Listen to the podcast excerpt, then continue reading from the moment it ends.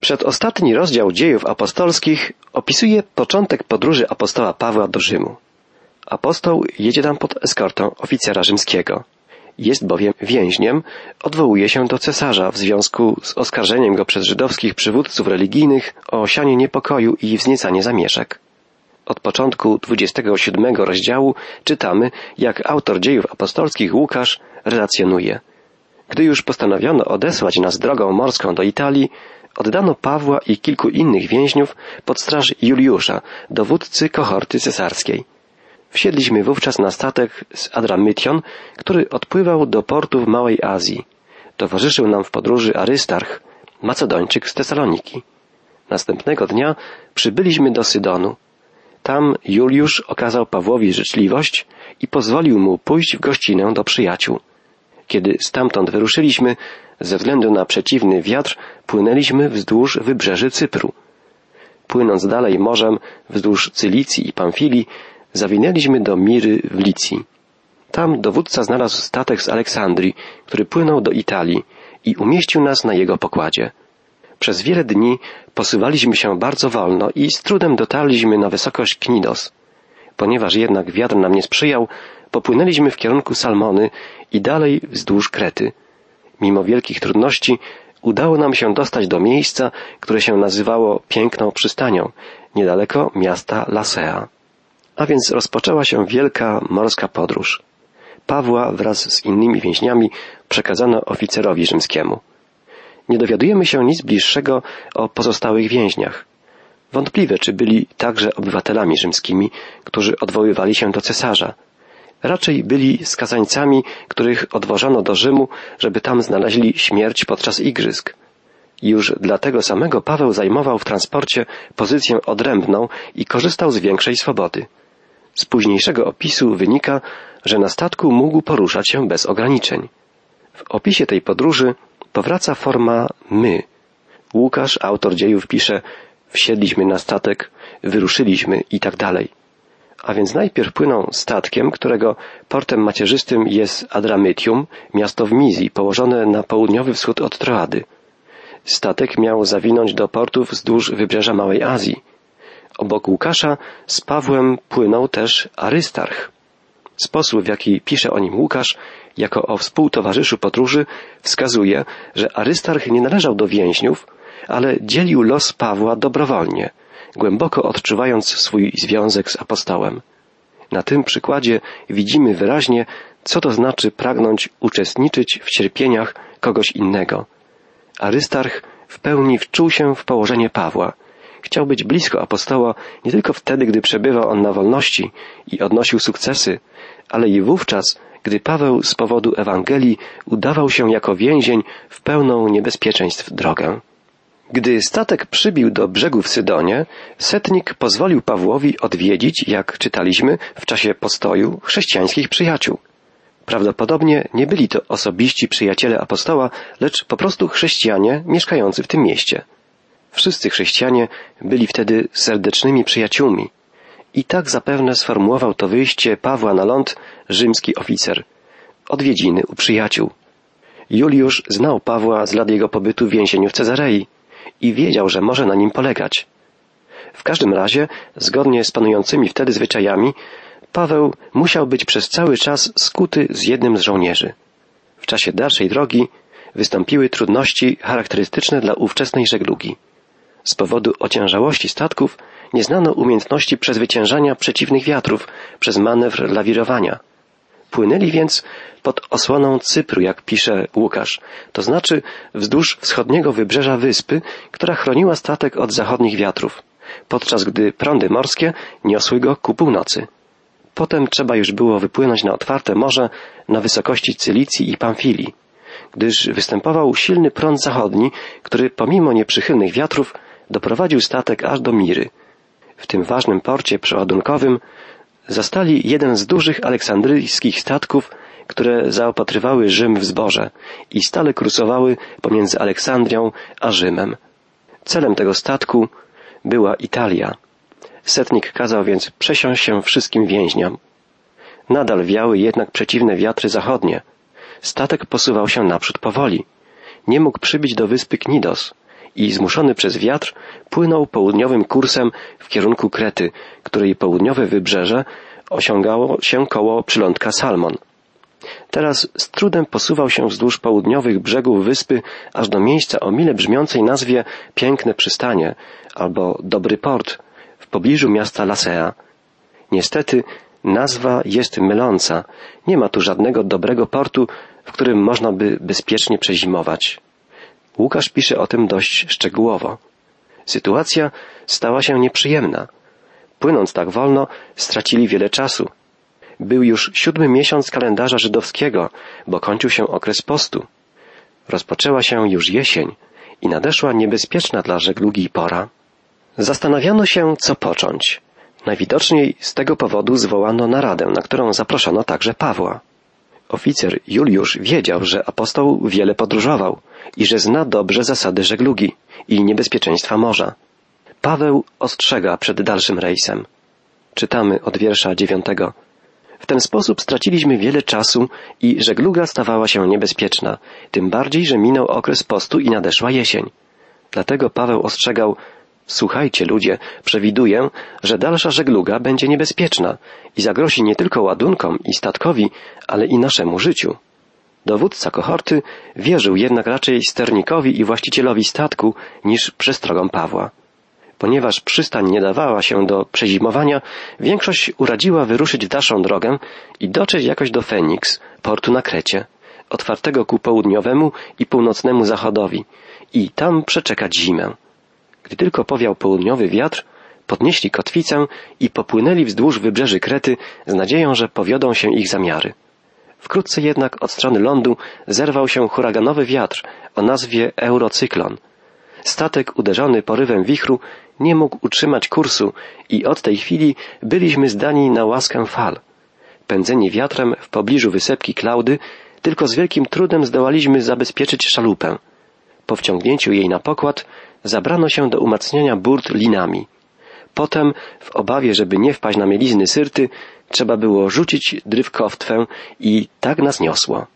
Fachowcy, sternik i właściciel statku byli innego zdania niż Paweł. Większość wybrała kompromis.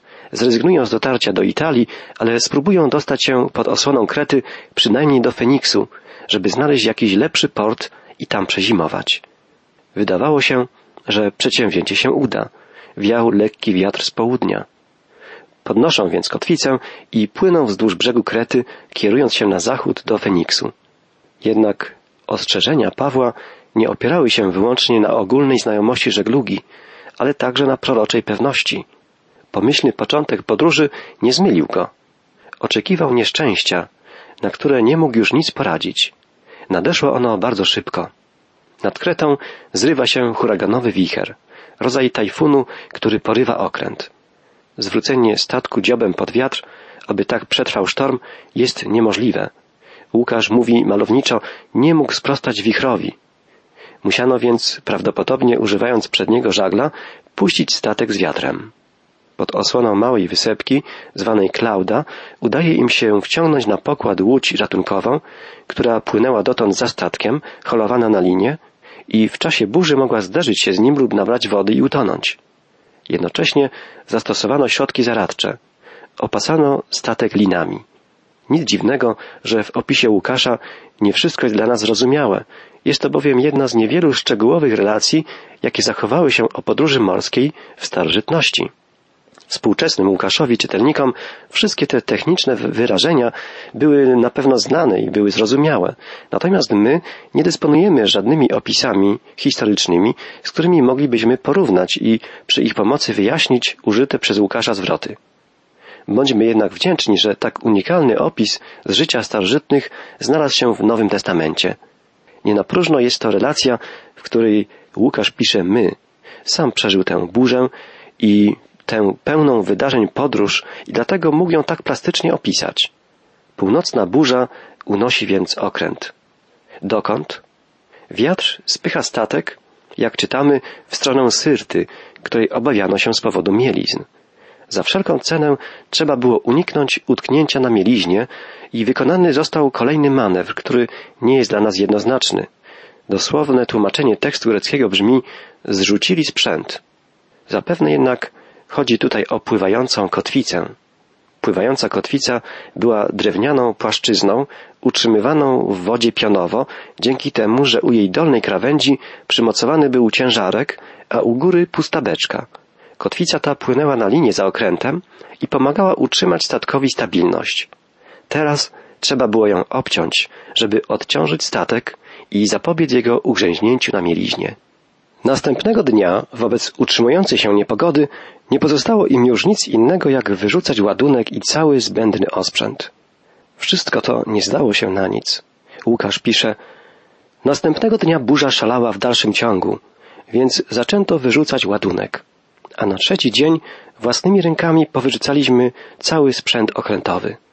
Przez wiele dni nie było widać słońca ani gwiazd. Sztorm nie ustawał i zaczynaliśmy tracić wszelką nadzieję ocalenia. Statek, na którym nie istniała możliwość dokonywania pomiarów i określania położenia, wydany był na łup burzy, szalejącej z taką samą siłą przez wiele dni.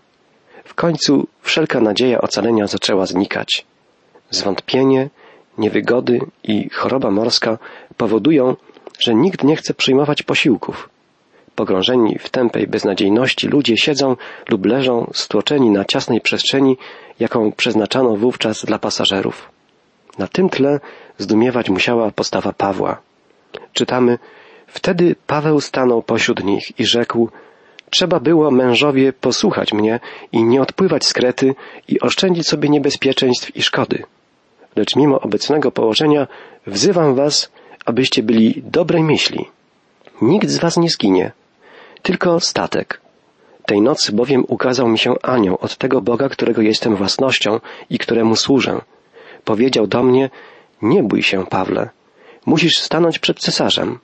Dlatego ze względu na ciebie Bóg ocali wszystkich, którzy są z tobą na statku. Odwagi, przyjaciele. Wierzę bowiem mojemu Bogu, że będzie tak, jak powiedział. Będziemy wyrzuceni na brzeg pewnej wyspy. Apostoł, jak widzimy, zachowuje się zupełnie inaczej niż wszyscy pozostali, nie wyłączając marynarzy i żołnierzy. Dlaczego? Czy wypływa to z jego mocnego charakteru? Ale silnym charakterem na pewno mógł się też wykazać Juliusz jako oficer rzymski. Więc może spokój Pawła płynie z bogatego doświadczenia, gdyż nieraz już bywał w takich sytuacjach i wychodził z nich cało.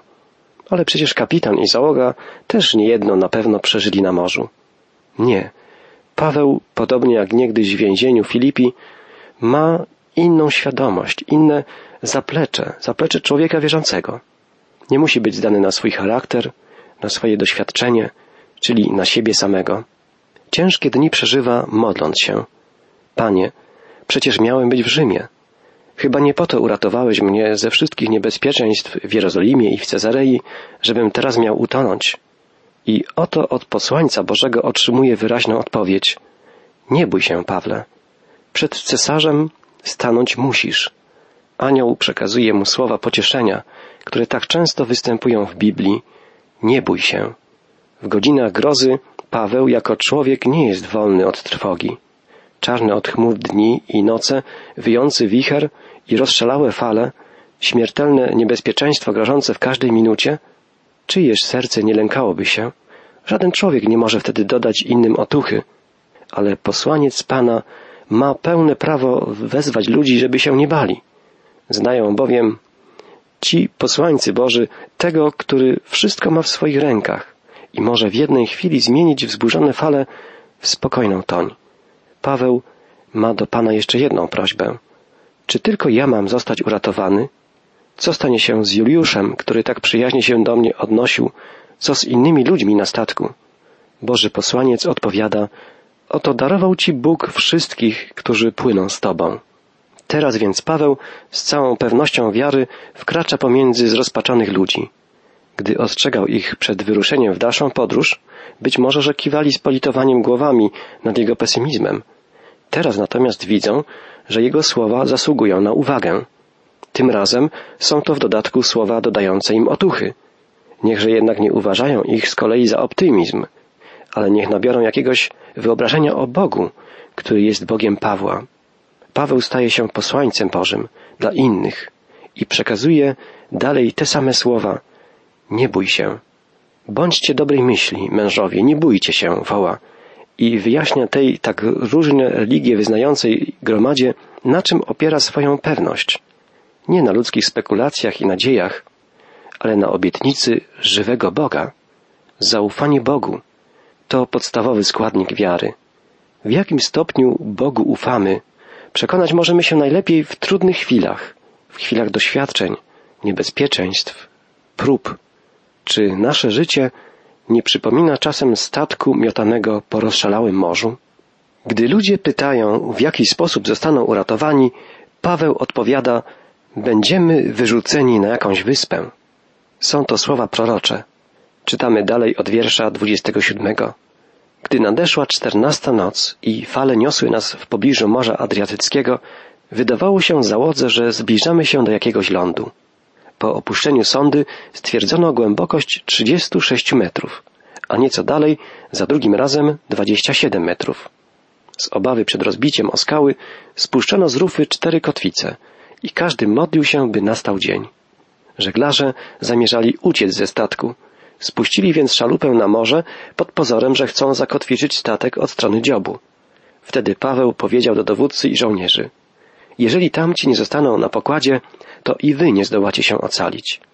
Żołnierze przecięli więc liny szalupy i porwały ją fale.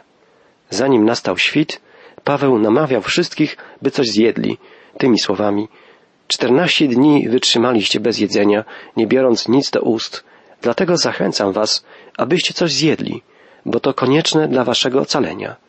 Nikomu z was nie spadnie nawet włos z głowy. Relacja Łukasza jest niezwykle dramatyczna. Jako jeden z pasażerów pisze, unosiło nas po Adriatyku już czternaście dni i nocy. Dwa tygodnie. To nieskończenie długi czas dla tych, którzy w samotności, pozbawieni jakiejkolwiek orientacji co do położenia statku, błąkali się po dzikim pustkowiu wodnym, wydani na pastwę burzy. Jednak nagle około północy zdawało się żeglarzom, że się ku nam zbliża jakiś ląd, pisze Łukasz. Nie dodaje, po czym to poznali. Może usłyszeli, jak rozbijają się o brzeg bałwany, a może poznali to po wyglądzie wody i fal? Kilkakrotnie spuszczano sondę w krótkich odstępach czasu. Okazało się, że woda rzeczywiście staje się coraz płytsza. Statek zbliża się szybko do lądu, o którym nic nie można powiedzieć z powodu panujących ciemności. Obawiając się skał, mocują statek na czterech rzuconych z rufy kotwicach i z utęsknieniem oczekują na świt, który pozwoli zorientować się w sytuacji. Niecierpliwi marynarze spuszczają jednak w ciemności łódź, rzekomo po to, żeby zakotwiczyć statek od przodu, od dziobu. W tym celu muszą wypłynąć z kotwicą nieco dalej. Ale jednak ich planem jest ucieczka. Paweł obawia się próby ucieczki i ostrzega setnika, jeżeli ci nie pozostaną na statku, nie możemy być uratowani. Są to przecież fachowcy, od których wszystko zależy, zwłaszcza jeżeli będą lądować na tej wyspie, tak jak przewidział Paweł. Żołnierze odcinają więc natychmiast liny i łódź spada do wody. W ten sposób stracili wprawdzie łódź, ale załoga pozostała na pokładzie. Gdy wreszcie wschodzi dzień, który ma zdecydować o dalszych losach, znowu zabiera głos Paweł. On, niepozorny Żyd i więzień cesarski, bez znaczenia i władzy, w tych godzinach staje się dowódcą statku. W obliczu poważnego niebezpieczeństwa zawsze tracą znaczenie bogactwa, tytuły i stanowiska, a liczy się istotna wartość człowieka, jego rzeczywista wartość. Ujawnia się także prawdziwy autorytet, który zostaje spontanicznie uznany przez wszystkich. Postawmy sobie na koniec pytanie, czy my, jako wierzący, posiadamy wśród otaczających nas ludzi autorytet? Autorytet wynikający z naszej postawy, naszej mądrości, opanowania i pokoju wypływającego z zaufania Bogu w każdej sytuacji. I jeszcze jedno ważne spostrzeżenie. Apostoł zapewniał wszystkich, że nikomu nawet włos nie spadnie z głowy. Właściwie Paweł zacytował w tej chwili śmiertelnego niebezpieczeństwa słowa samego Pana Jezusa. To przecież Chrystus, mając na myśli czas niedoli i prześladowań, powiedział swoim uczniom, nie bójcie się, nawet włos wam z głowy nie spadnie, gdy ja jestem z wami. Apostoł był pewien, że wszyscy pasażerowie statku uratują się, bo Bóg zapewnił go o tym, gdy trwał w modlitwie. Podobnie nasze poznanie woli Bożej, wgląd w Boże zamiary zależą od tego, jak blisko Boga jesteśmy, w jakim stopniu szczerze i wiernie trwamy u boku Jezusa.